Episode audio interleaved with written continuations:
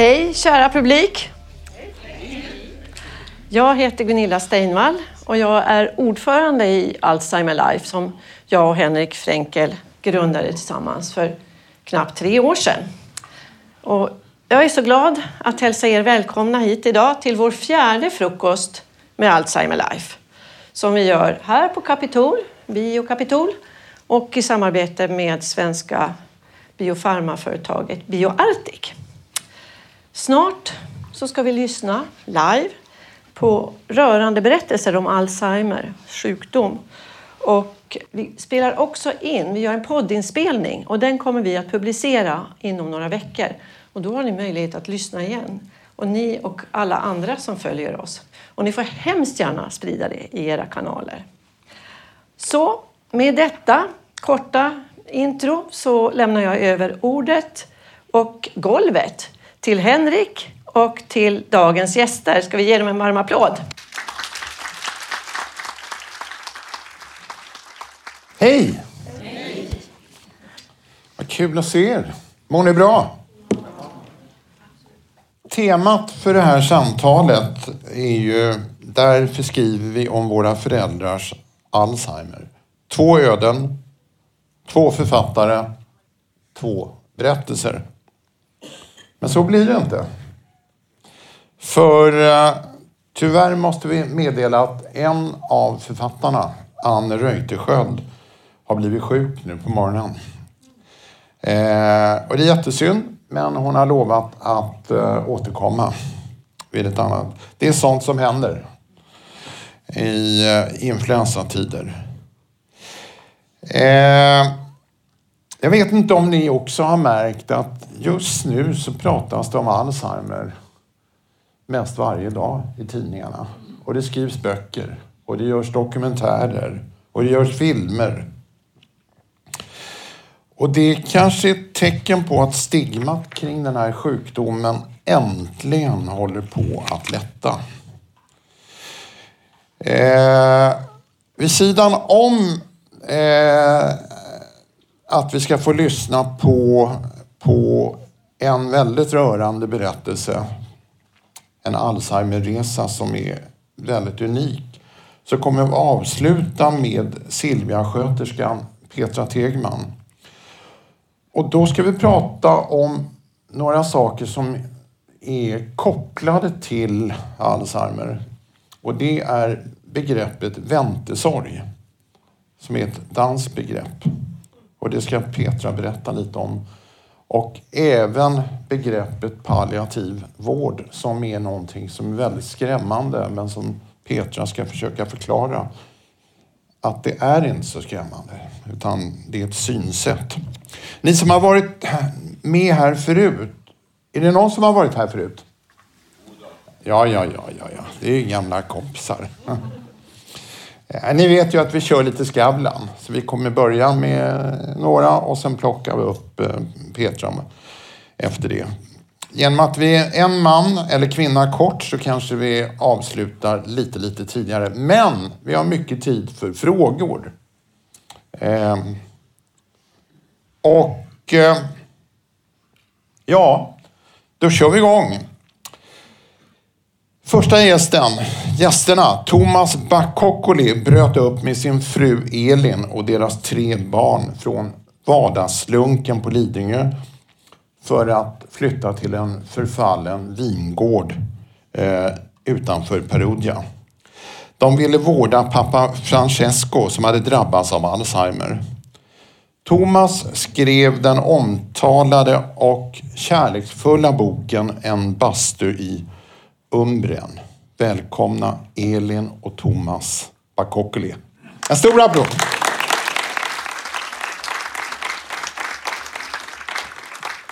Hej. Hej! Elin får stå närmast mig. Va? och så.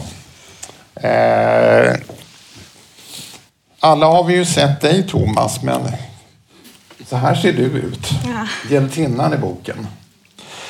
Eh, Elin, din man har ju haft en hel bok på sig att eh, berätta om sin Alzheimer-sjuka pappa.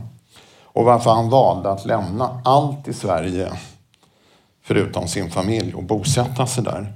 Men idén var ju din. Eller?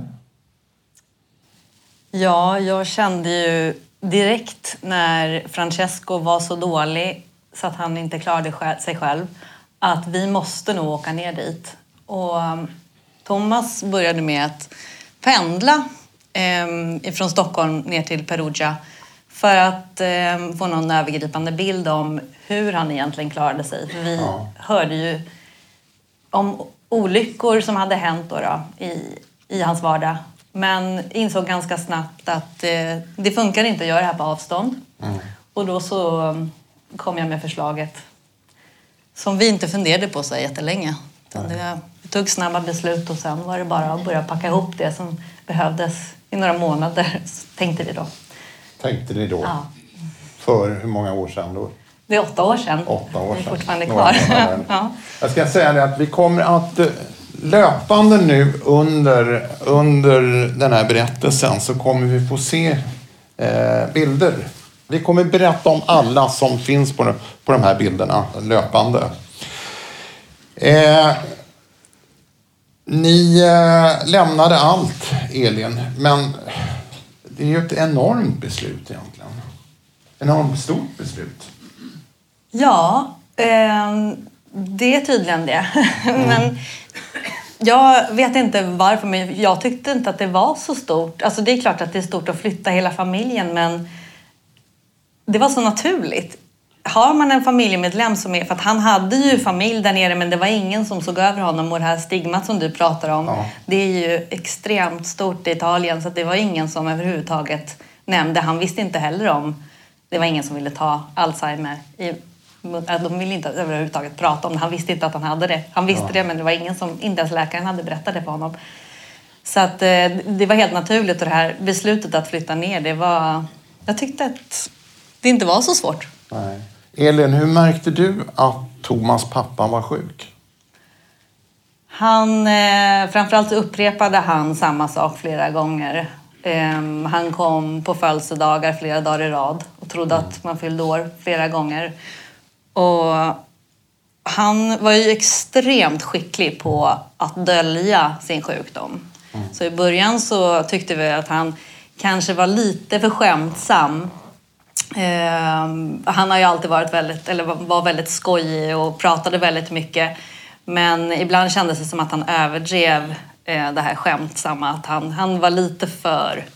Eh, det stämde inte. Det var någonting som han försökte dölja. Och sen så märkte vi att han började vilja ta upp känslig information som han inte hade velat prata om eh, tidigare med Thomas. Och mm. det är ett varningstecken. Lite, nu ska jag dö. Pratet. Mm. Så då, sa, okay. Ja, det här brukar han inte vilja prata om. Då mm. kanske det är värre än vad vi tror. Och sen så märkte man ju att det, det, var, ju, det var ju verkligen värre. Mm. När Thomas började åka ner sen och se hans vardag. Mm. För annars så kom han upp till Stockholm. Han bodde ju nere i Perugia. Eh, och då kom han upp till Stockholm och kom förbi bara lite, ja, några timmar så där. Då hinner man inte uppfatta riktigt med alla barn som springer omkring. Vi hade små barn då. Och, um, men i hans vardag så såg man ju, såg Thomas direkt. Han var jätterädd, Francesco. Han vågade inte sova själv och um, han ville inte sova ens. Så det var ett jättestort problem. Och det, sådana saker ser man ju tydligt då att det, det var ju mycket värre än vad, vad vi trodde. Innan vi kommer in på, på pappan som är huvudfiguren i uh i, eh, eller huvudpersonen i boken och som är en fantastisk personlighet så vill jag veta lite mer.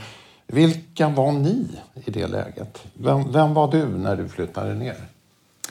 Jag var en eh, hårt arbetande småbarnsmamma som eh, de flesta i Sverige vill ha villa, landställe, djur att ta hand om, massa barn, eh, bra arbete, man ska se snygg ut och vara en duktig flicka, du vet hela det här kittet. Mm. Ja, helt sönderarbetad. Jag orkade liksom inte mer. Um, och du är civilingenjör? Ja, civilingenjör. Um, numerisk analys.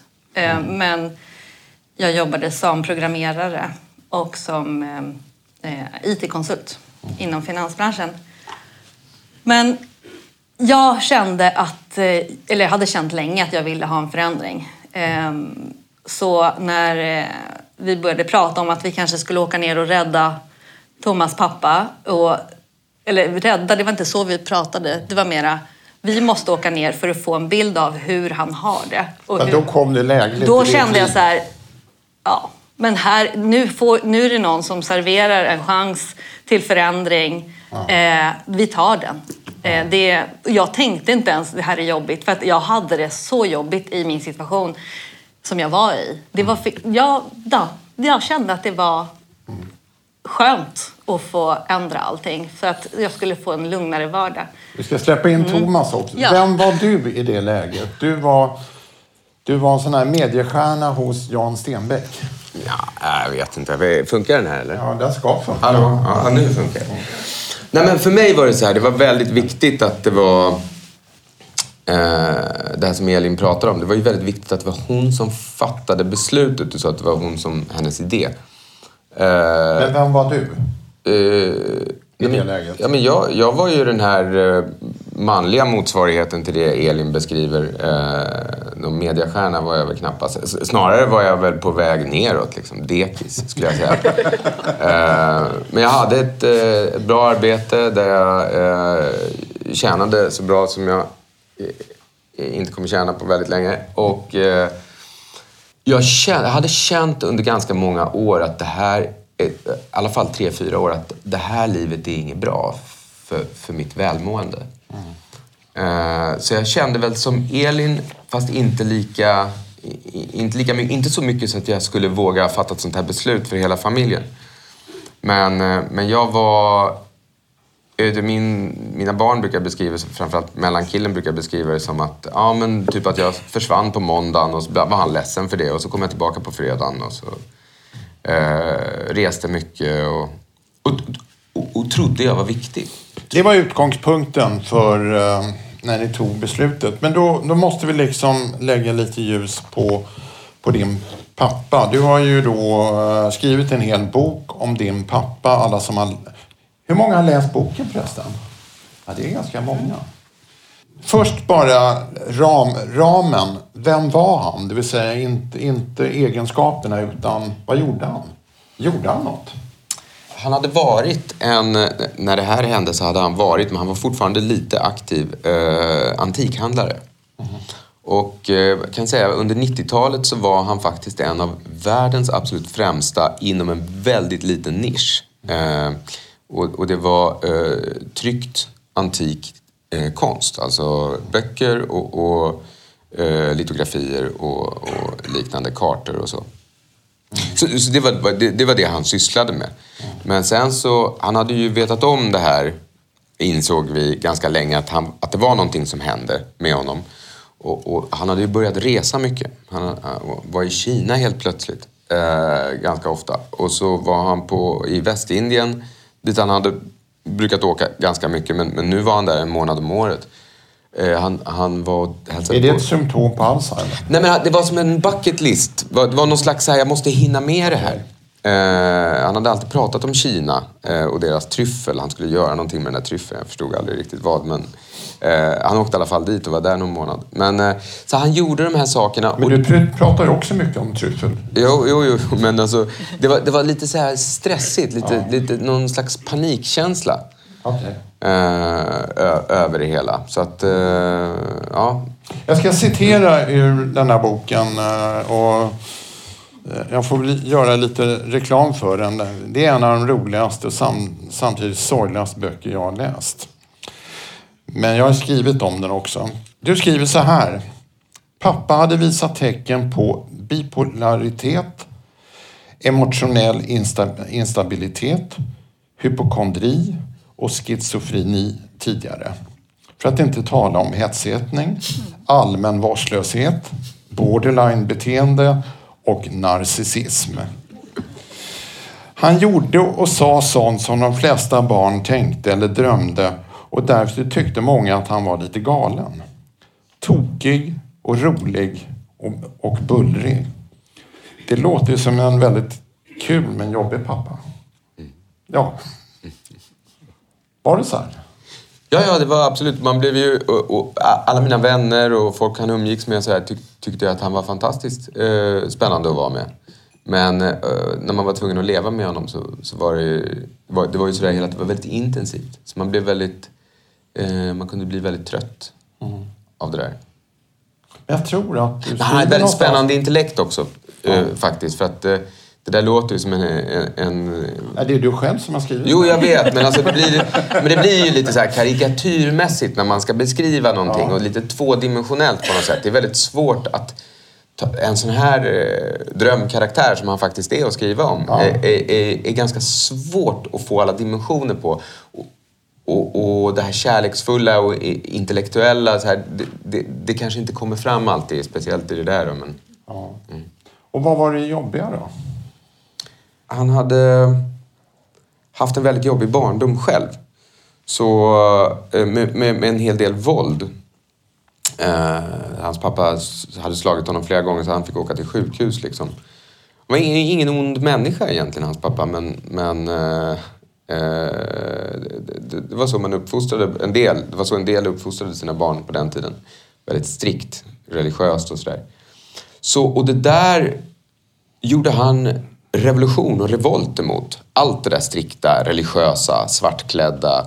Eh, det, det gjorde han från barndomen hela vägen tills han dog. Gjorde han en lång revolt mot allt det där. Eh, och eh, jag tror att folk började prata om så här, att tänka utanför boxen. Det var för mig så här, men när, när var det? På 90-talet? Någonting sånt där. Tänka utanför boxen. För mig var det bara everyday. Wow. Sen jag föddes. eh, det var ju din pappas stora dröm att du skulle ta över hans vingård i Umbrien när han blev gammal och sjuk. Men du ville inte. Nej, jag kände, jag har alltid känt ett motstånd. som tur var, var Elin, han, han, formade, han formade någon slags band med Elin där. Ja. Och, och liksom, Men de, varför ville du inte? De kom tyst överens. Jag ville aldrig ha någonting med hans business att göra. Han... han eh, ni vet människor som är, är, är väldigt givmilda och sådär, generösa. Men sen så låter de det där bli tungt för dig. Att de har varit generösa. Och så där var det när jag var liten. Och jag ville, inte, jag ville ha... Jag hade mitt eget liv. Vi, vi, vi hade byggt vårt liv. Men, om, men om någon skulle slänga en vingård eh, på mig så skulle jag ta över den. Eller i alla fall ja, ta emot den. Det är därför du och Elin kommer så bra överens. Nej, och, och, det råkar ju faktiskt vara så att det är Elin som tar hand om gården också. Ja. Men det var inget alternativ för dig? Jo, ja, ja igår eh, så, så åkte jag från Perugia till Rom för att ta flyget. Och hela bilresan var en väldigt strulig bilresa och lite mirakulöst att jag är här. Eh, faktiskt, eh, för det hände massa saker på vägen. Men hela den bilresan tänkte jag, vad skönt det ska bli att komma tillbaka.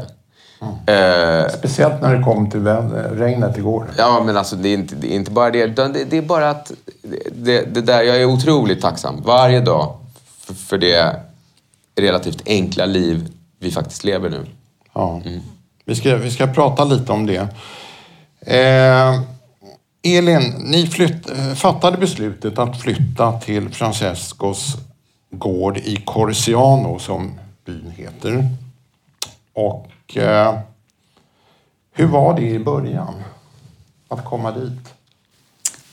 Ja. Fattar du vad, vad du hade gett in på? I början så um, fokuserade vi, eller jag i alla fall, om jag pratar Du kan, kunde inte italienska? Nej, ingen Barnen italienska. Kunde inte italienska. Ingen kunde, eller Thomas kunde ju såklart prata ja. italienska. Eller, ja. Han hade i alla fall extremt bra ja. brytning så alla trodde att han kom ifrån Perugia men han kunde inte köpa mjällschampo och, och sådana saker för det visste han inte vad det hette. Alltså det var ju verkligen pinsamma situationer för honom mm. eh, när de tittade lite. Vad, vad är han för sjuk? Men nej, det var ingen som pratade italienska och eh, vi hade blivit lovade av rektorn i skolan att vi skulle få hjälp med språket. Mm. Men eh, så bytte de rektor precis innan vi kom så det, vi fick ingen hjälp och dessutom fick vi inte följa med barnen in. Mm. Så att eh, de fick sitta då i varsitt klassrum, eh, inte känner någon. tillsammans med en fröken som talar väldigt högt. För de tror, tydligen så tror man att man förstår bättre om någon skriker. Om man inte förstår språket. Nej, om man inte förstår Förstår du inte vad du mm. ja. ehm, och, ehm, Så det var ju väldigt mycket att ta hand om barn som gråter innan och efter skolan. Det var ju det som det första året gick ut på. Och se till att de lär sig skriva och sådana saker som eh, italienska skolan tycker är viktigt, viktigt. Att kunna skrivstil till exempel som man inte hade fått lära sig i svenska skolan. Eller vi hade inte börjat med det i alla fall. Eh, så det var många tårar i böckerna och det var jag försökte... Och för dig då? Hur var ja, det för dig då? Det var ju jättejobbigt. För mig, jag struntade lite faktiskt i mig där.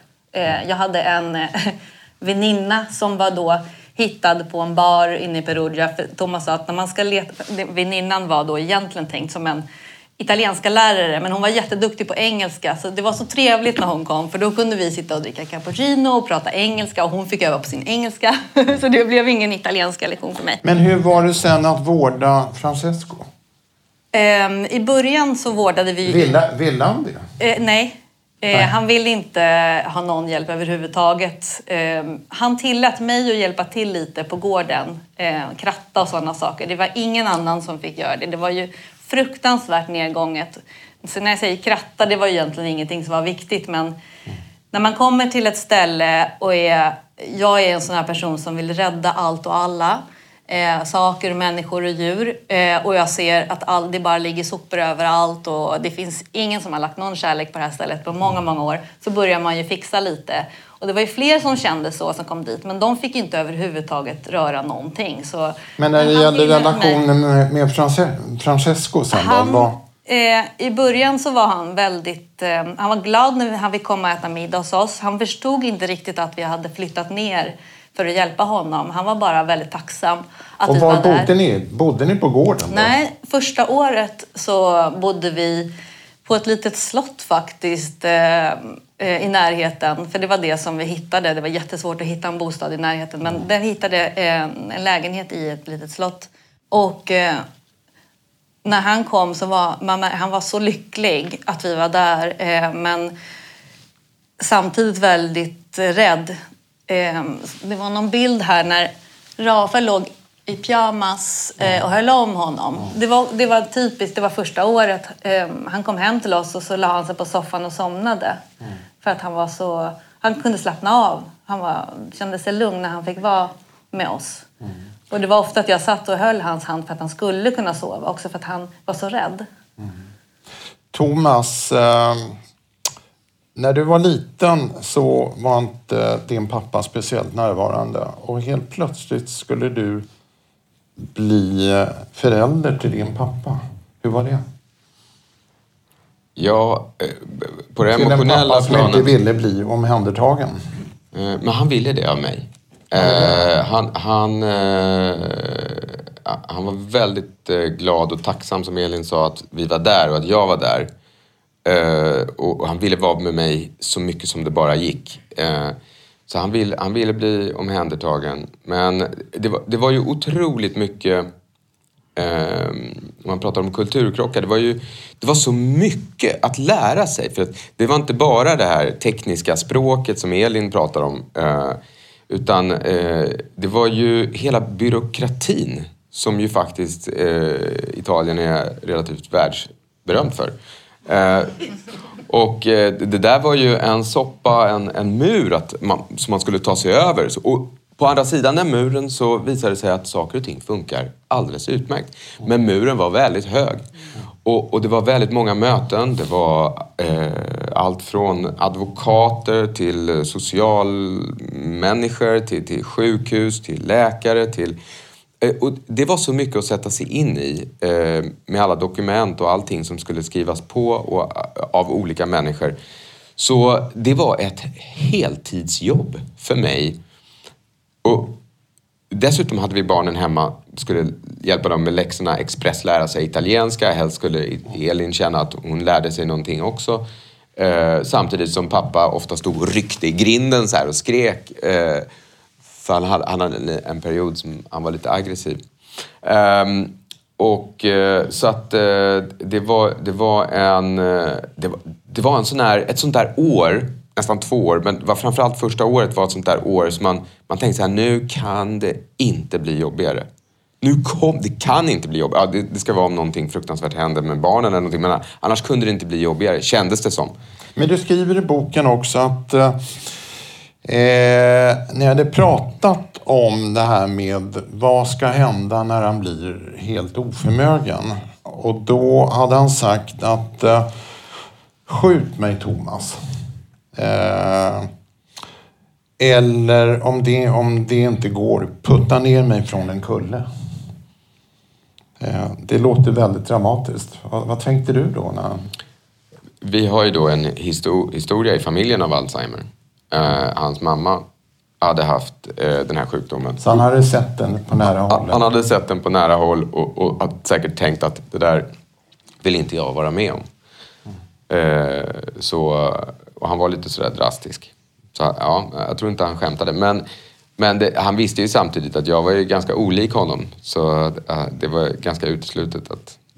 Att det skulle hända? Ja. Och det, det jag gjorde tvärtom. Elin. Mm. Eh, ni anställer eh, till slut en vårdare, Papis från Senegal och ni har sett honom här. Eh, och väldigt oväntat så uppstår en speciell kontakt mellan dem. Vad är det som händer? Han ville ju inte ha en vårdare. Nej, han, vi hade ju försökt med en hel del vårdare ja, innan. Ja. ja och eh, han... Eh, några, vi var tvungna att gömma saxar och knivar och sådana saker. Eh, han, han, han, ville ha ihjäl folk? Han ville ha ihjäl dem och han ja. hade hallucinationer och han... Eh, vissa vårdare fick sova på parkeringen i bilen låst. Eh, och nej, det funkade inte. Sen så fick vi en kontakt eh, genom en kontakt. Det är så det funkar, man ringer inte någon utan det är alltid kontakt i Italien som kände den här killen och sa det här är en riktigt bra människa. Han, har han inte, är bagare Han är precis konditor. Han har aldrig jobbat med eh, äldrevård eller så. Ingen erfarenhet. Men han är väldigt fin. Han har stort hjärta. Så vi tog ett snabbt möte i trädgården i det här, vid det här slottet. Eh, och Thomas sa till mig, Elin du måste eh, träffa honom och få liksom, en känsla. Och jag kände bara, han kom emot mig. Jag satt där och jag kände bara, så, han var så underbar. Det spelar ingen roll vad han har gjort. Han är underbar. Det här kommer funka så bra. Mm. Och det klickade mellan dem direkt. Francesco älskade den här mannen och jag tror att det också delvis beror på att Papis tog hand om Francesco som att det vore hans barn.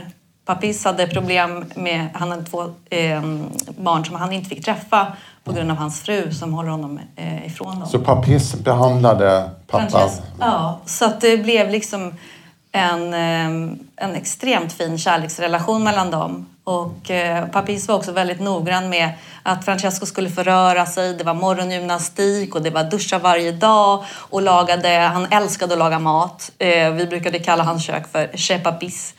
Eh, så eh, han, lagade han planerade varenda måltid att det skulle finnas alla näringsämnen och att det skulle vara saker som var goda. Så att Francesco hade det väldigt bra. Och ja, man mår ju bra om man äter och Francesco älskade mat så att det var ju också en del av kärleken där. Att han... Len, Lena och jag var ju nere och hälsade på er ja. eh, i Umbren för några månader sedan. Vi satt på en restaurang. Och eh, Papis är ju, jag som älskar boken, Papis är ju hjälten i hela boken. Han, han, är, ju, han är ju helt fantastisk. Och då helt plötsligt så kommer han in på restaurangen och sätter sig vid vårt bord. Och jag blev så starstruck av, av honom. Ja, och, eh, så vi satt ju hela kvällen och, och pratade och han fick berätta om pappan och sådär. Och det, det var en underbar kväll. Ja, helt fantastiskt. Helt och, eh, så jag vet ju precis, och ni som har sett filmen En oväntad vänskap. Mm. Där har ni, där har ni, ni liksom, det var precis det som uppstod. Och det var det som fanns i Papis ögon nu flera år senare när han berättade om, om Francesco. Och han kom till restaurangen för att han visste att vi var där och han ville bara berätta. Så att han visste att jag hade gjort en podd med, med, med Thomas. Men Thomas, det finns, det finns så många fina saker. Papis säger till din pappa varje morgon, och börja inte gråta nu. Jag ska vara dina fötter. Jag ska vara dina ögon. Och jag ska aldrig lämna dig. Säger då vårdaren till pappan. Vad, vad tänker du om det, Thomas? Jag, bara, jag ser framför mig Papis. Eh, de bodde ju liksom, det funkar så i Italien. Eh, man har sina föräldrar i en lägenhet i huset. Liksom. Mm. Och ofta är husen ganska stora och sen så bor föräldrarna på ett ställe, ofta det bästa då. De äldre har det alltid bäst. Och, och, och sen så bor ett syskon där med sin familj och ett syskon där. Och det kan vara, kan vara flera familjer sådär. Och så bodde vi också på gården. Och eh, Papis och pappa bodde tillsammans i den här lägenheten. Och jag, jag, för mig, liksom, när jag kom upp dit på morgonen och, och skulle, ja, kanske lite stressad, barnen skulle till skolan, var någonting liksom, och så kom jag och så, och så kommer Papis ut från badrummet och då har han bara lat, latexhandskar och så står han så här i kalsonger för de, han håller på att duscha pappa. Vad kan vi göra för dig idag Thomas? Men de sjöng också i duschen. Ja, och så sjöng de. Nej, det var ju det var jävligt speciellt. De sjöng opera-arior. Ja. Ja, det... Ja, det, var, och det, ljudet kom ju ner i vårat kök.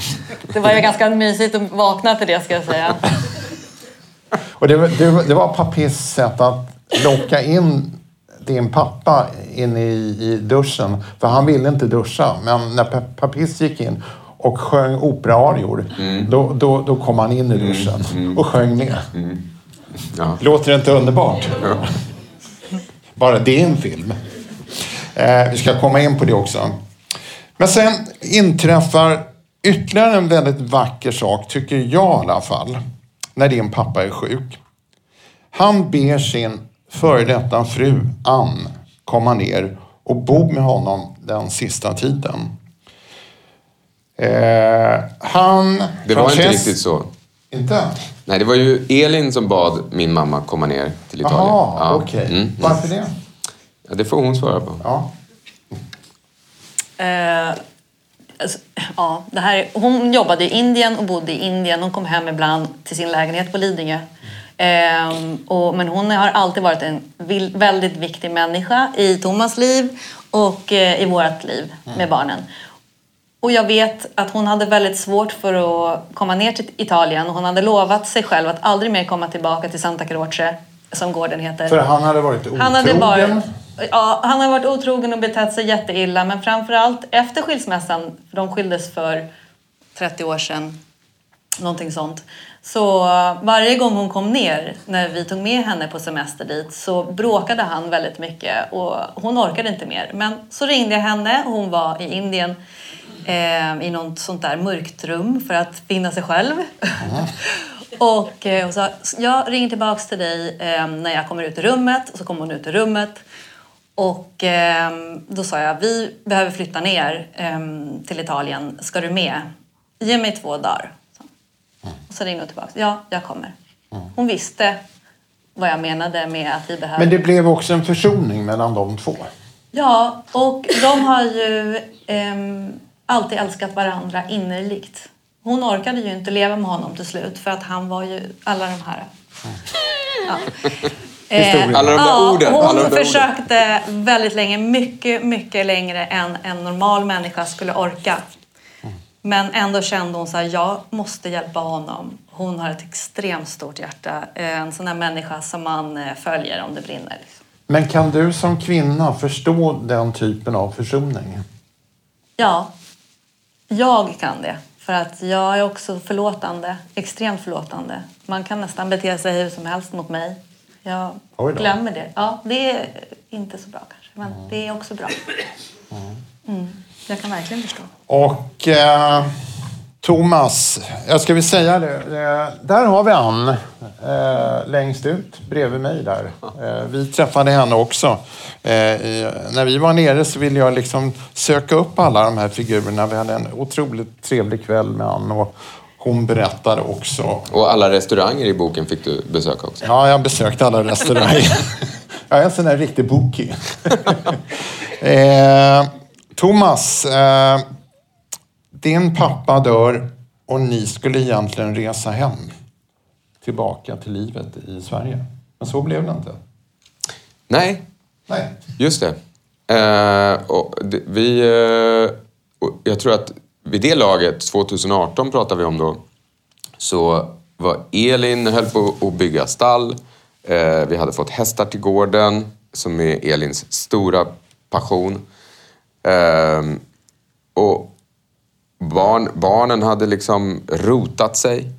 Eh, spelade fotboll i olika lag där och eh, red och, och hade kompisar framför allt. Eh, Numera pojkvän och flickvän etc. Så det, och det var mest i mitt huvud därför jag kände att det var lite mission accomplished. När han dog. Att okej, okay, nu har vi gjort det här. Vad ska vi göra nu? Uh, så det, det, det, det, var en grej som jag inte delade med mig av till familjen. Jag tänkte på det där en vecka, men det försvann. Fast vi satt faktiskt, Thomas, ja. och sa okej, okay, nu är han död. Ja, jo, det för Vad ska vi göra nu då? Mm. Och? Ja, men eh, vi hade lite omröstning. Det var ingen som ville flytta tillbaka till Sverige. Det var så? Ja. Mm -hmm. Så Thomas fick inte ha någonting att säga där, tror jag. Om du... Mm. Nej, jag har sällan det. Nej. Oj, vilket offer. Stackars dig. Ja. Eh, Elin, handen på hjärtat. Eh, skulle du göra om det här äventyret om du visste om alla svårigheter ni hamnade i? Ja. Ja. Det här är en upplevelse som eh, jag skulle önska att alla fick vara med om. Mm. Man, blir, eh, man kommer i en annan dimension efteråt. Mm.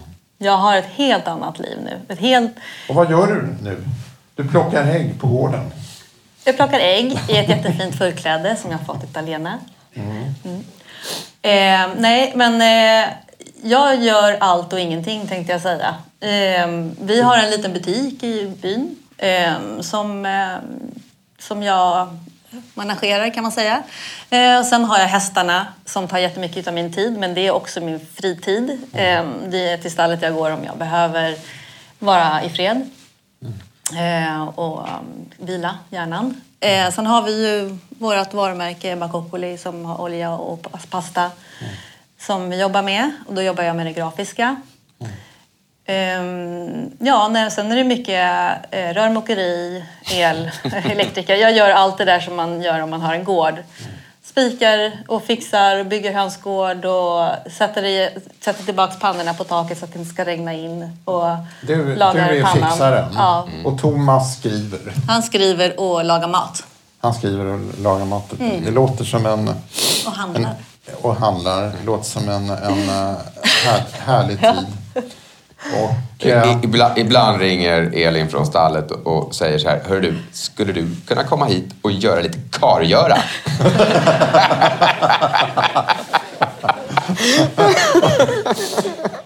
Nej, Thomas, jag känner igen mig i dig. Vi börjar väldigt lika. Till sist, eh, Thomas, din bok En bastu i Umbrien har ju blivit en stor succé. Eh, förstod du det när du skrev den? Kände du så här, Fy fan vad kul. Alltså grejen är så här. Jag, du gjorde det va? Nej, men jag, jag, hade texter eh, som jag hade skrivit och sen så blev det mer och mer. Och, och, när det började bli kanske ett halvår innan jag skickade runt den till förlag eh, så, så, så grät jag ju och skrattade medan jag skrev. Mm. Och det tänkte jag, fan det här är ett riktigt bra, det, det, här, det här måste bli något, något liksom. Men sen så fick det en helt annan dimension och nivå när jag hittade det här förlaget eh, som jag jobbar med. Som har varit... Eh, den relationen har ju varit eh, speciell. Mm. Och nu kanske den ska bli film? Vi får se. Det, det, det, det, det är nog lite kvar innan det blir lång, långa... Jag vet. Men ja, det hoppas jag. Men den känns som en film. Ja, mm. Hela den här mm. Eh, berättelsen. Jag kommer ihåg när vi satt i ert kök så frågade jag dig Elin. om det blir en film, vem, vem vill det ska spela dig? Jag ska ju såklart... Nej, jag skojar bara. Nej, eh, ja, nej, det vet jag inte. Scarlett Johansson? Nej, jag skojar bara. Nej. Eh, Julia Roberts? Julia Roberts, nej. Ja, vi har ju några, det måste ju vara någon eh, svensk skådis. Vi har ju jättemycket fina svenska ja. skådisar. Men det spelar inte så stor roll tror jag. Eh, jo, det gör det ju såklart. Jag vet inte. Jag kan inte svara. Pass på den. Pass på den. Men eh, vi ska avsluta och ni kommer få stå kvar eftersom vi ska plocka upp en gäst till.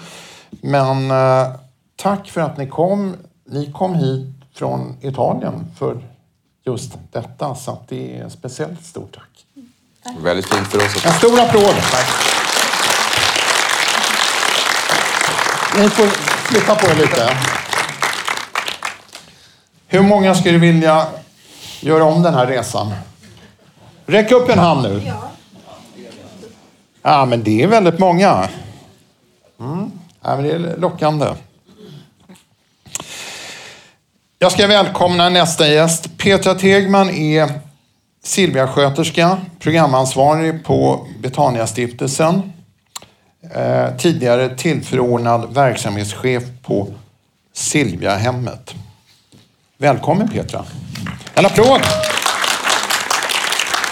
Du får ta en... Vad tänker du när du lyssnade på, på de två? Du får och, vända dig till publiken också. Eh, ja, men jag har ju läst boken såklart. Eh, och blivit också väldigt berörd. Men jag tänker ju också att det är ju en, en klassisk historia att bo och leva nära någon som får en kognitiv sjukdom. Men det är ju också väldigt berörande att förstå att ni har haft en ganska dålig relation under uppväxten. Men hur du ändå hämtar hem det och blir just pappa åt din pappa. Jag tycker att det är väldigt fint och det ser man ju väldigt, väldigt, väldigt ofta. Faktiskt. Mm. Mm. Eh, det här är ju en... Eh, det är, en, det, är, det är ju inte en riktigt svensk berättelse. Eh, inte bara att de är i Italien utan det är ju ganska ovanligt att mm. man tar hand om sin sjuke förälder. Mm. Mm. Så, så, som de gjorde. Mm. Varför är det så? Ja, men jag tror att det är många, många delar. Vi har ju ingen tradition av att riktigt ha det så i Sverige. Precis som ni beskriver att i Italien bor man tillsammans på ett annat sätt. Och det här har jag, jag har ju arbetat inom äldreomsorgen i 30 års tid och det upplever jag väldigt ofta när man har anställda från andra kulturer. Att det är mycket, mycket, mycket vanligare än vad det är i Sverige. Mm. Men här har vi inte haft det. Vi har ju liksom en lång kultur av ålderdomshem och långvård och så vidare. Så det är mer vanligt. Och sen tror jag också idag att det krävs nästan som Sverige idag att man behöver två inkomster i en familj till exempel. Det är inte så lätt att ta hand om sin förälder, att säga upp sig och samtidigt som man kanske också som i ett fall man har barn, eh, man behöver jobba. Man behöver man ha en villa på Lidingö man kan sälja. Ja, men typ. Eh, men det krävs ju väldigt mycket att vara mitt i livet som det är och sen att dessutom ta hand om en sjuk förälder som får en sjukdom som också kräver väldigt mycket av min tid. Mm. Jag kan säga att det ju, den här sjukdomen är ju inte på något sätt någonsin en enmansjobb.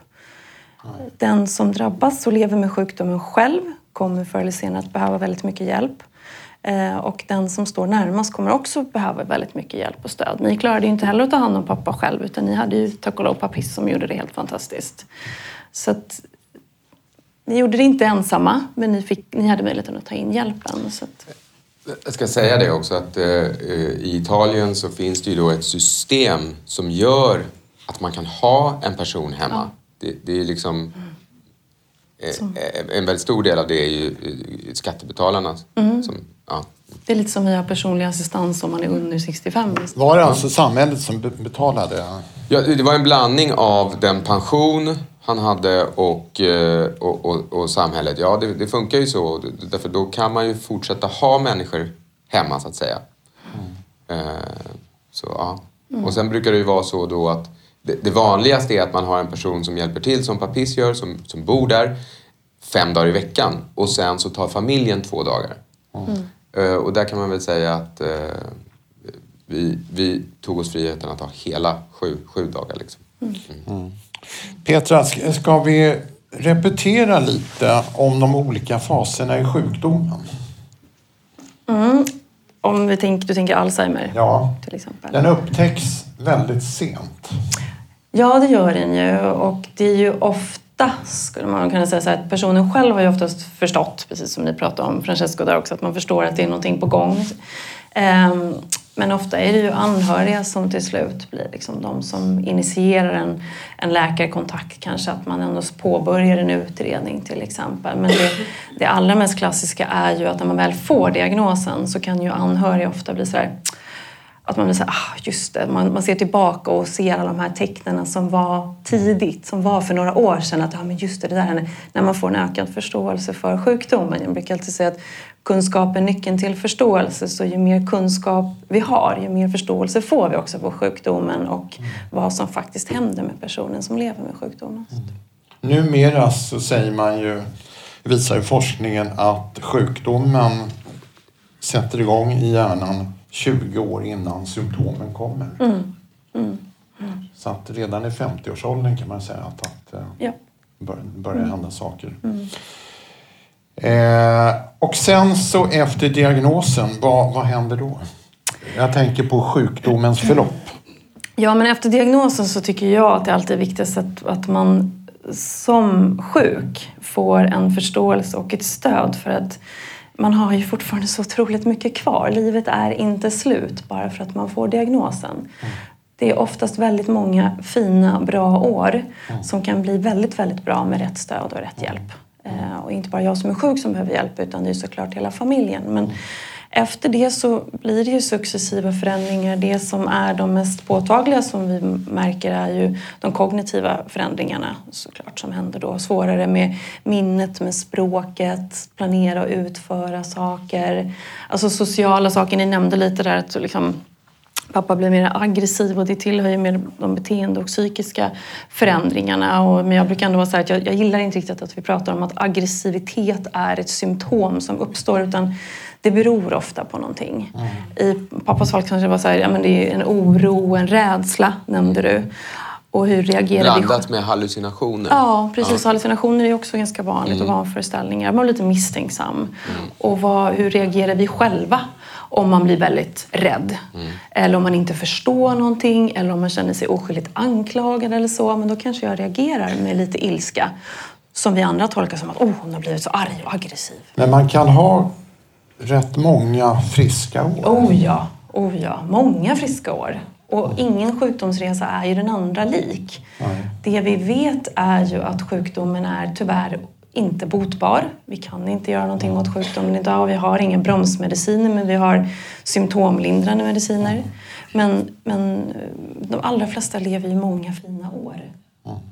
Alla som har hört min historia, när jag fick min diagnos som sen ändrades, vet ju om att min läkare sa att jag hade fem till sju friska år. Det, det, det var någonting som läkare använde väldigt Ja. Och det var väldigt vanligt, men jag tror att de numera har tagit bort det. Ja, för det där tycker jag är lite synd. För det blir väldigt också sådär att ah, men okej, då har jag fem år och sen så kanske de där fem åren har gått. Och så tänker jag att nu sk- ska det ju hända. Och att det blir liksom det där vakuumet man hamnar i, att man stirrar sig så blint på eh, vilka bra, så här, det, det är en dålig jämförelse men det blir nästan som det där förlossningsdatumet som man är så inställd på att jag ska ju föda barn 20 juli. Och så kommer inte barnet 20 juli och då blir man väldigt uppgiven och väldigt frustrerad och väldigt eh, liksom, man stirrar sig blind på det datumet. Jag, jag tycker att det är lite synd för att som sagt varje sjukdomsförlopp är väldigt individuellt. Väldigt, väldigt olika. Det som är utmaningen är ju att vi vet att, att ofta så är det som man får en, eh, som yngre får en Alzheimer-diagnos, en sån early onset Alzheimer, att man är yngre, så går den oftare lite fortare. Det är det vi vet. Men, men annars kan man ha väldigt många friskår. Hur ser omsorgskedjan ut för, dem, för den som blir Alz- Alzheimer-sjuk? Det beror ju oftast egentligen helt på vart i livet man är, vilken livssituation man är i och hur behovet ser ut. Men de flesta är i 70-75 Eh, mm. Ja, precis. Och då brukar det ofta vara dagverksamhet är ju ett jättebra första alternativ. Dagverksamhet. Ja, att man får komma iväg en till fem dagar i veckan mellan nio och tre till exempel och vara på en dagverksamhet. Att vara tillsammans med andra personer som är också lever med för sjukdomen. att den anhörige ska få avlastning? avlastning Ja, men både och. Både att jag som är sjuk ska få lite stimulans, träffa andra i samma situation som också är sjuka. Få, få bli bemött utifrån mina förutsättningar, där jag är idag. Mm. I en bra dagverksamhet så får ju du vara precis den du är. Och mm. vi som, som jobbar där anpassar oss efter ditt behov, dina önskemål och vad du, dina förmågor framför allt. Men också såklart att närstående får ett, ett litet liksom, andrum. Det kan vara svårt att springa iväg på lunch eller ta den där golfrundan eller, eller vad det än är. Eller bara, liksom, bara vara. För att man ständigt är tillsammans med någon. Och sen kommer den dagen när de anhöriga känner att det här går inte längre. Nej. Nej. Och för många anhöriga så brukar det vara den svåraste dagen. Oh ja. Mm, och varför det?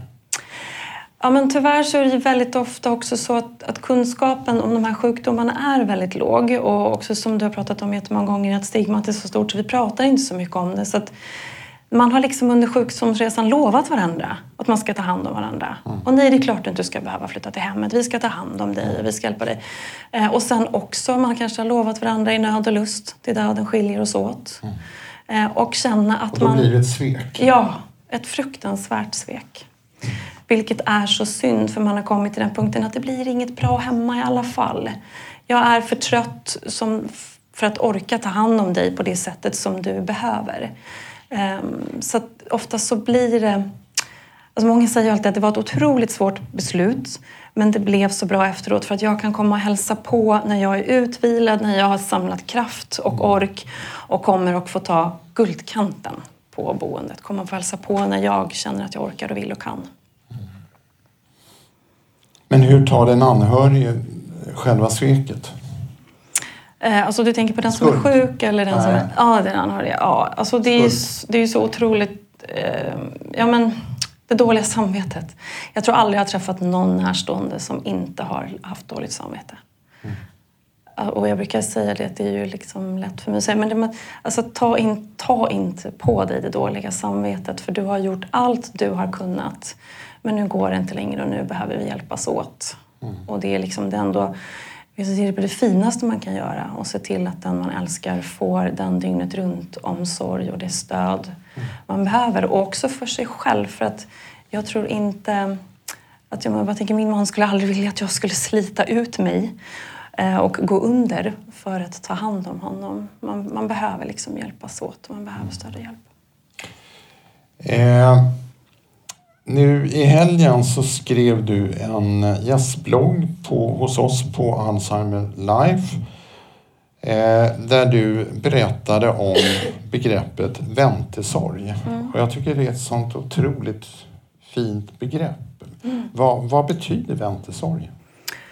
Ja, väntesorg hörde jag, jag, jag kan egentligen inte minnas det var några år sedan jag hörde det och för mig var det så här, ah, det är ju precis det där ordet där man så många gånger har mött närstående som beskriver den där känslan av att ja, men pappa finns här fortfarande fast han är inte min pappa på samma sätt längre som han har varit. Eller det är inte min man eller min fru som jag gifte mig med en gång i tiden och har levt med så länge. Men hon finns fortfarande kvar här.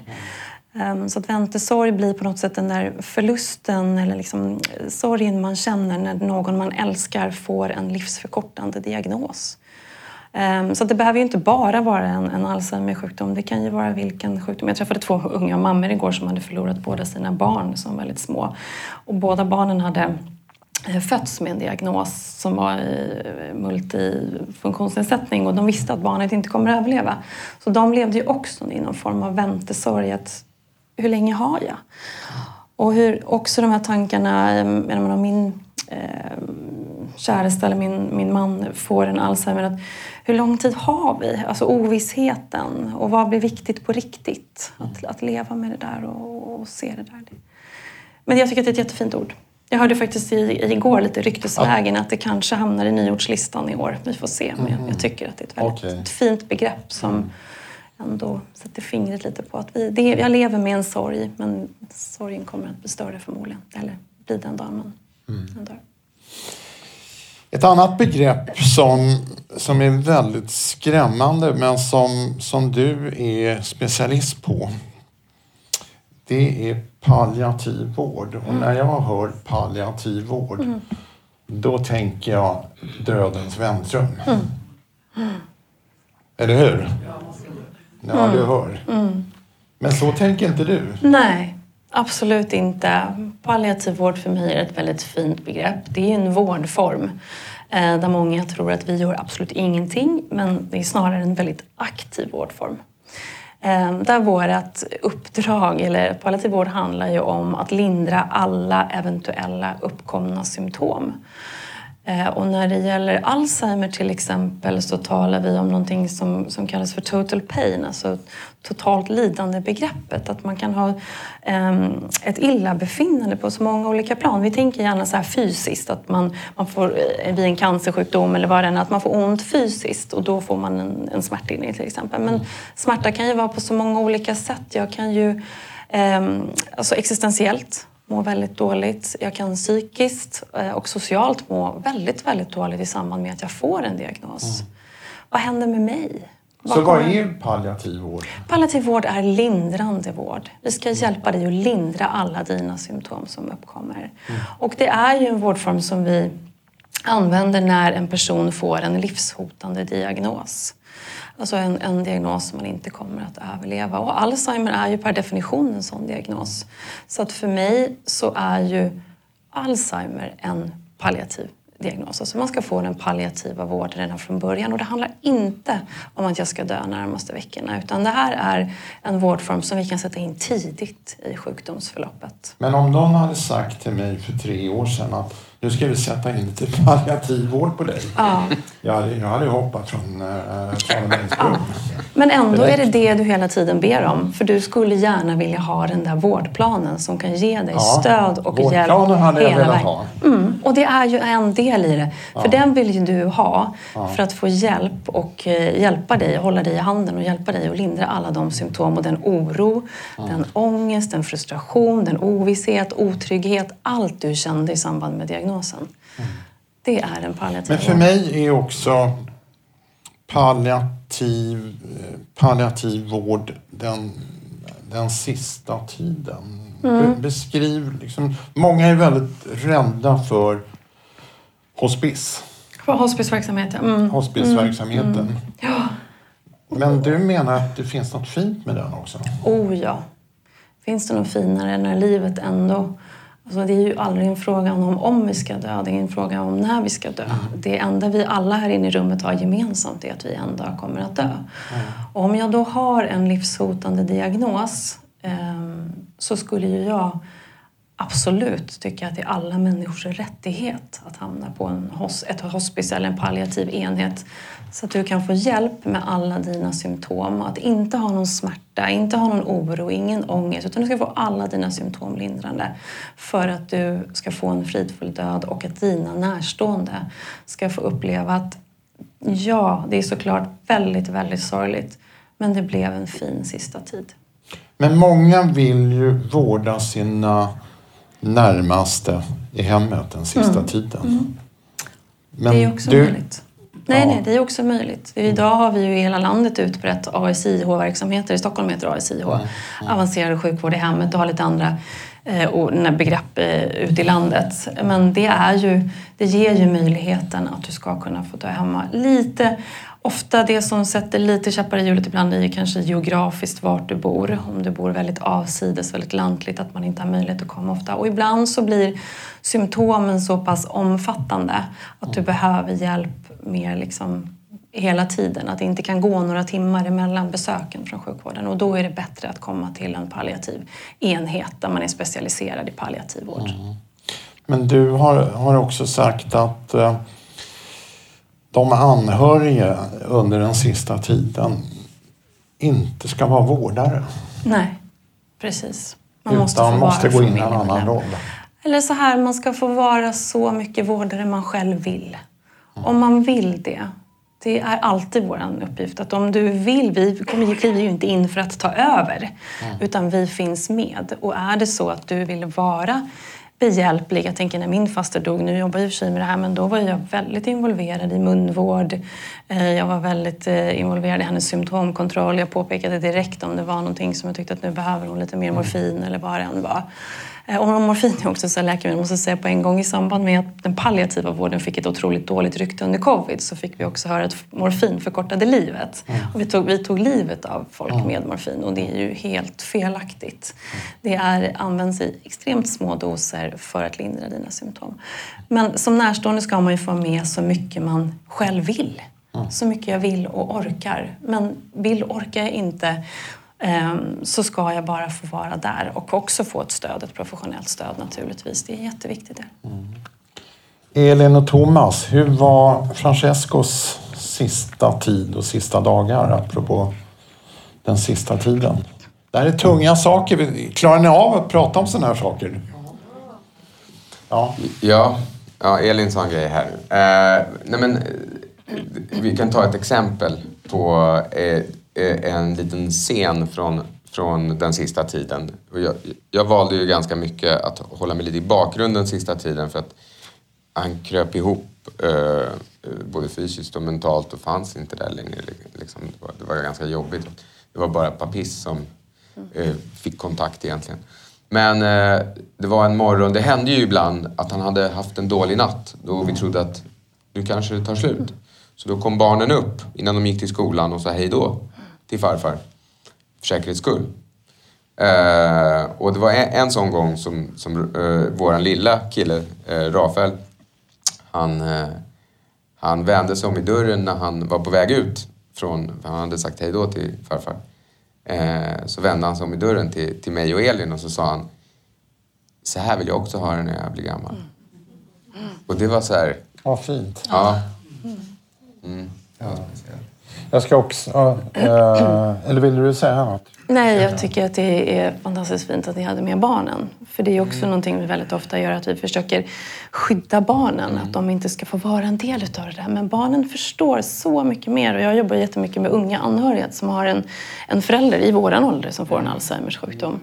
Och de vill ju, de, de ber om att få mm. vara involverade. De vill ha information för de förstår att det är någonting som händer runt omkring. Men när de blir uteslutna så känner man sig väldigt utanför och det är inte kul att vara, själva, känna sig ensam i sin mm. egen familj. Liksom, utan jättefint att de blir involverade. Det förespråkar vi alltid på eh, de palliativa enheterna också.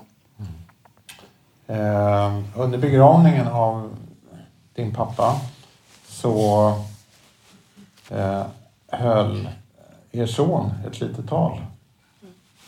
Det var, det var jag som läste upp talet. Ja, du han, läste han, hade, upp talet. han hade skrivit ett skolarbete om sin farfar. Ja, vad stod det då? då? Ja, det kommer jag inte riktigt ihåg. Är det någon som har en bok? Uh, jag, kom, jag, kommer inte riktigt ihåg. Kommer du? Han, han hade på ett väldigt så fint och barnsligt sätt och det var gulligt skrivet på italienska uh, berättat vem farfar var och att uh, han kommer ihåg att farfar gav honom en nallebjörn Eh, pappa säger att farfar var lite galen. Eh, men, eh, eh men jag tycker han verkade rolig. Eller, eh, jag minns inte, men det, det, var ju förstås väldigt rörande. Mm. Mm. Hörrni, eh, nu har ni chansen att eh, ställa lite frågor. Ni som har läst boken och ni andra som är lite sugna på att läsa boken. Eller som vill ställa frågor till till Petra. Vi har en eh, tio minuter, en kvart på oss. Så att, eh, passa på nu. Där har vi en. Ni ska, ni ska få en mikrofon. Där har vi någon. Och eh, säg vem ni är också. Så. Anledningen till att vi, vi behöver ha en mikrofon är att det är en, det är en poddinspelning. Så att vi, eh, Ja. ja jag heter Per-Anders Widén. Och en, en, fråga till Thomas och Elin var om ni har ni syskon eller var ni liksom helt ensamma? Är du ingen bror, syster eller inte Elin heller? Hade ni hjälp av någon annan i familjen? Jag kan börja med att svara för mig. Eh, jag, är, jag är ensamt barn. Vilket eh, både förenklar och försvårar förstås. Men jag är ensamt barn. Elin har flera syskon. det, det, är nästan så många som jag inte vet alla namn. Nej, jag skojar bara. Men, men vi har eh, hennes tvillingsyster här, Ulla, som är här från USA. Du, du kan berätta om dig. Nej, men om vi hade fått något stöd ifrån eh, syskon. Ja, eh, jag har fått jättemycket stöd ifrån Ulla, min tvillingsyster. Vi pratar med varandra flera gånger om dagen. Eh, hon bor i USA så mm, vi träffas tyvärr inte så ofta. Men eh, stöd, alltså psykiskt stöd kan man säga, har alltid funnits där. Från eh, framförallt henne och sen de andra syskonen också. Men eh, jag behöver inte så mycket mer än Ulla. Mm, så att, mm, eller det så kan man inte säga, men hon, eh, när jag har pratat med henne... Var det någon mer, var det någon mer fråga? En, en fråga till då. Om, ja. Eh, hur gammal var han ungefär när ni började märka symptomen och hur många år gick det innan han avled? Alltså han var 69 när vi började märka symptomen men det hade ju hållit på i ett, några år. Uh, han var 69 uh, Eh, då och han var 75 när han gick bort. Så från den dagen att vi började märka, då började vi skapa förändringar i vårt liv. Visa upp oss från våra arbeten som var jävligt läskigt. Eh, vi började planera, jag började pendla mellan Sverige och Italien. Det var, det var en lång period, det var ett år som, som bara var en förberedelse på allting. Mm. Jag åkte ner och tittade på skola. Vi, vi, ni ska ju veta att en av de största kontrasterna för oss var ju inte att flytta från Sverige till Italien. Utan det var ju från att flytta från en storstad som Stockholm till en liten by där inte ens engelska läraren pratar engelska. Uh, så vi, det, det, var en, det, var en st- det, var, det i sig var en stor resa. Mm. I, hans nästa, fall, nästa. I hans fall tog det ungefär 57 år som vi pratade om tidigare. Ja, ja. En, en fråga till. En fråga till er. Min man... Vad heter du? Minna. Ja. Silvias syster. Med... Ja. Tack till Petra där. Eh, min man som är från Senegal. Så att jag tänkte på här lite grann. Han, eran, Passis hette han va? Papis. Papis.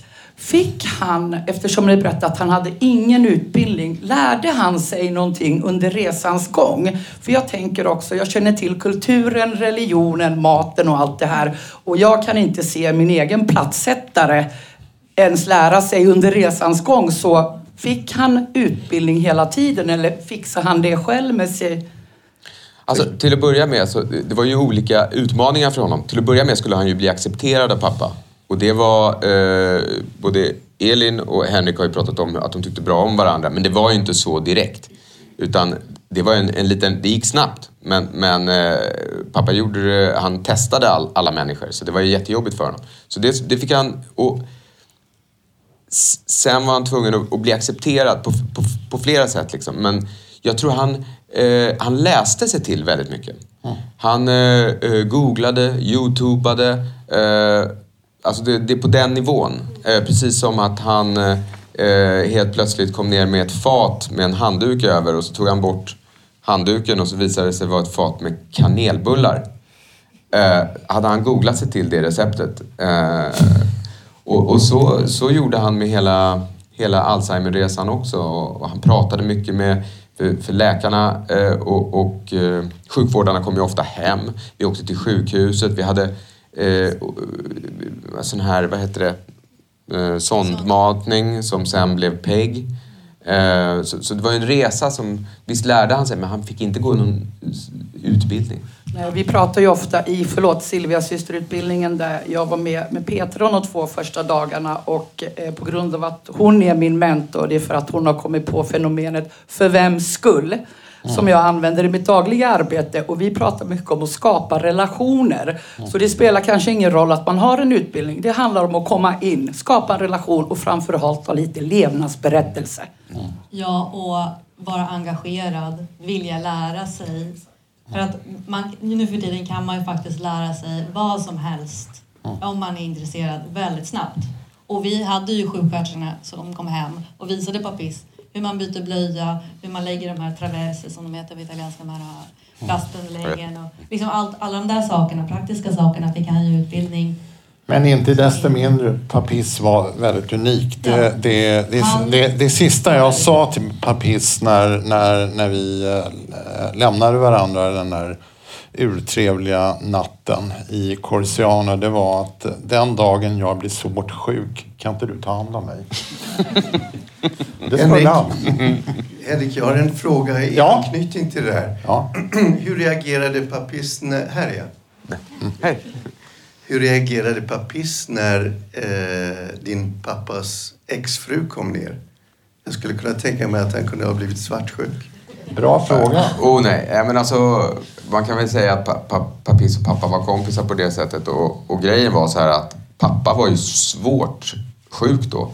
Men ändå hade han den här glimten i ögat. Jag menar, även i slutet när eh, vi bjöd honom på prosecco så grimaserade han illa. Eh, och fick han champagne var han glad. och, och, och, grejen är så att, att, att, han förstod vissa saker till slutet. Och när hon kom och hälsade på hans flickvän då, som också är en speciell historia eftersom hon var gift i San Francisco.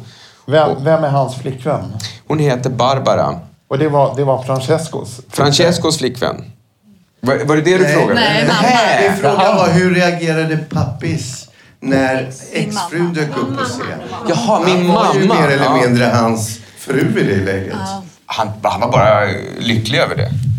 Hon var med från början. Hon var ju i det här teamet innan Papis kom. Så Papis var ju, eh, blev ju anställd av henne kan man säga också.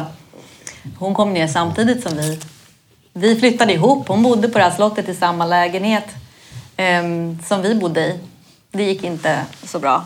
Hon var tvungen att flytta. Då flyttade hon till den här, i den här trädgården som man ser ehm, som hon står i, så flyttade hon till en liten egen lägenhet. Men Papis, eh, det var självklart att hon var en del av teamet, så de har aldrig haft någon sån, utan det var snarare tvärtom. Det var väldigt fint när hon kom och hjälpte till också. Hon tog vissa helger och ehm, när han fick, behövde avlastning så, så tog hon hand om Francesco och gjorde allting. Ska vi ta en sista fråga? Hej. Ja. Är den här på? Hör ni ja. mig? Ja, jag heter Anna. Eh, fråga till Petra. Eh, jag funderade lite på, jag förlorade min pappa i Alzheimer eh, och den här palliativa vården, eller hospice. Pappa bodde på ett demensboende och vi förstod ju alla såklart att han skulle gå bort, alltså det är en dödlig diagnos. Men vi fick ingen förvarning och vi fick inte möjligheten att vara på plats. Utan vi blev uppringda en sen kväll. Eh, då hade han dött själv i sitt rum. Vad hade vi kunnat göra för att ge honom det du pratar För när du pratar då känner jag så här, men finns det där på riktigt? För mig känns det där som en film. Eh, för det där, det är ju någonting som jag har accepterat mm. men aldrig kommer komma över 100 procent. Mm. Och det är bara beklagligt att ni inte fick bättre information. Eh, som jag sa, så en viktig del är genom närstående, att närstående får rätt stöd och delaktighet också. Det vi, det vi pratar om när vi pratar palliativ vård är ju särskilt palliativ, specialiserad palliativ vård och det är de här hospiceenheterna eller palliativa enheter. Men sen pratar vi också om allmän palliativ vård och det är den grundläggande palliativa vården som bedrivs eller ska bedrivas på alla äldreboenden i Sverige alla personer som närmar sig livets slut ska ha rätt till, eller har rätt till eh, en lindrande vård. Och det är, där är ju en viktig del att närstående ska få blandas in och vara del. Och det är bara beklagligt att de personalen där, uppenbarligen sjuksköterskor och vårdpersonalen, inte hade tillräckligt mycket kunskap och kunde involvera er. Mm. För när man flyttar in på ett äldreboende idag, den genomsnittliga överlevnadstiden är ju knappt ett år i Sverige som det ser ut idag. Så det är ju palliativ vård som ska bedrivas första, från första början, från första stund. Elin? Ja, jag har en eh, liten idé här om hur man skulle kunna förbättra det här i Sverige det är att man utbildar den personalen eh, på de här vårdenheterna om hur en människa ser ut precis innan den ska gå bort. För det här sker ju inte som en hjärtinfarkt, att man bara dör, utan det är en eh, process på några dagar där kroppen stänger ner. Och eh, vi kunde se att han var på väg bort för att vi, eller ja, jag och Thomas mamma kunde se det på händerna till exempel, att de blev kalla. Mm. Eh, och då vet man att eh, nu är det bara några timmar kvar och då kan man samla familjen och säga hej då och sen så kan man till och med sitta där och se mm. eh, vara med om försvinna. Sista, ja, om man vill vara med. Så, om man blir utbildad i hur ser en människa ut som dör självmant, för det gör man i Alzheimer till slut. Mm. Kroppen stänger av. Så, och den stora skillnaden är att hade Francesco bott i Sverige så hade han ju inte fått sån näring och PEG-mat. Det gör jag. Han har inte fått sond mat och en, eller framförallt inte en. Hörrni, vi ska avsluta, avrunda, men vi ska inte av, avrunda med, med död. Utan jag tänkte fråga Thomas. Du har då beskrivit hur din pappa var, bipolär, emotionell instabilitet, hypokondrisk. Eh, vad var det mer? Hetsätande, allmän, vårdslös. Hur mycket av det här har du i dig? Ja du, jag tror att... Elin skrattar. Mycket mer än... Nej men alltså, jag, har, jag, har, jag är en väldigt light version av min pappa skulle jag säga. Men eh, man är ju liksom på något sätt en blandning av först och främst sina föräldrar och sen så den miljö man växer upp i. Så att jag vet inte. Jag var ju mest med min mamma när jag var liten. Eh, men jag, jag, tror ändå, jag, det finns faktiskt en scen i boken där jag försöker förstå det där. Och det, det, är lite roligt att Pelle och Pia är ju här. Pelle eh, som, och Pia, var det du? Ja, och där, eh, ni, var ju, ni är ju med i den scenen. Eh, för vi var, vi var och letade restaurang uppe i bergen. Eh, och kom upp där i dimman och så hittade vi en restaurang som var helt... Han var helt galen i mat, min pappa. Så hittade vi den här restaurangen som var helt fantastisk. Och jag, var, jag var lyrisk och sen så kom jag tillbaka till min faster några dagar senare och så berättade jag om den här restaurangen. Så sa hon, men där har ju du varit jättemycket när du var liten. Ja, så jag, ja, men för den hade pappa hittat. Ungefär på samma sätt. Eh, och då, tänk, då kom jag på det, fan, vi, vi funkar på väldigt många sätt väldigt lika. Liksom. Sen så eh, har jag hittat eh, sätt att få folk att tro att jag inte är, är lika galen. Mm. Ja, vi får väl se vad dina barn kommer skriva för bok om dig. Eh, vi, vi ska avrunda och vi ska avrunda med att eh, gästerna ska få en present. Och eftersom vi är så otroligt familjära av oss här så, ska vi, så är den här boken också väldigt familjär. Det är nämligen min sons senaste kokbok som kom ut för några veckor sedan. Så ni ska få. Mm. Och då tänkte jag... Och så får ni gärna applådera. Varsågod. Tack så jättemycket. Tack, tack. Och varsågod. Tack snälla. Eh, tack för att ni kom. Har ni haft det bra? Det har varit tunga ämnen. Roliga ämnen. Eh, och eh, vi kommer att ha vår nästa träff den 23 januari. Temat har vi inte bestämt oss än för eller gäster, men vi återkommer. Håll utkik och eh, ha en bra dag. Tack ska du ha. Bloggen och podcasten Alzheimer Life har också en insamling till förmån för kognitiva sjukdomar. Ni kan hitta den på vår hemsida alzheimerlife.se och den görs i samarbete med Alzheimerfonden. Podden och bloggen produceras av stiftelsen Alzheimer Life och görs på Beppo. Beppo.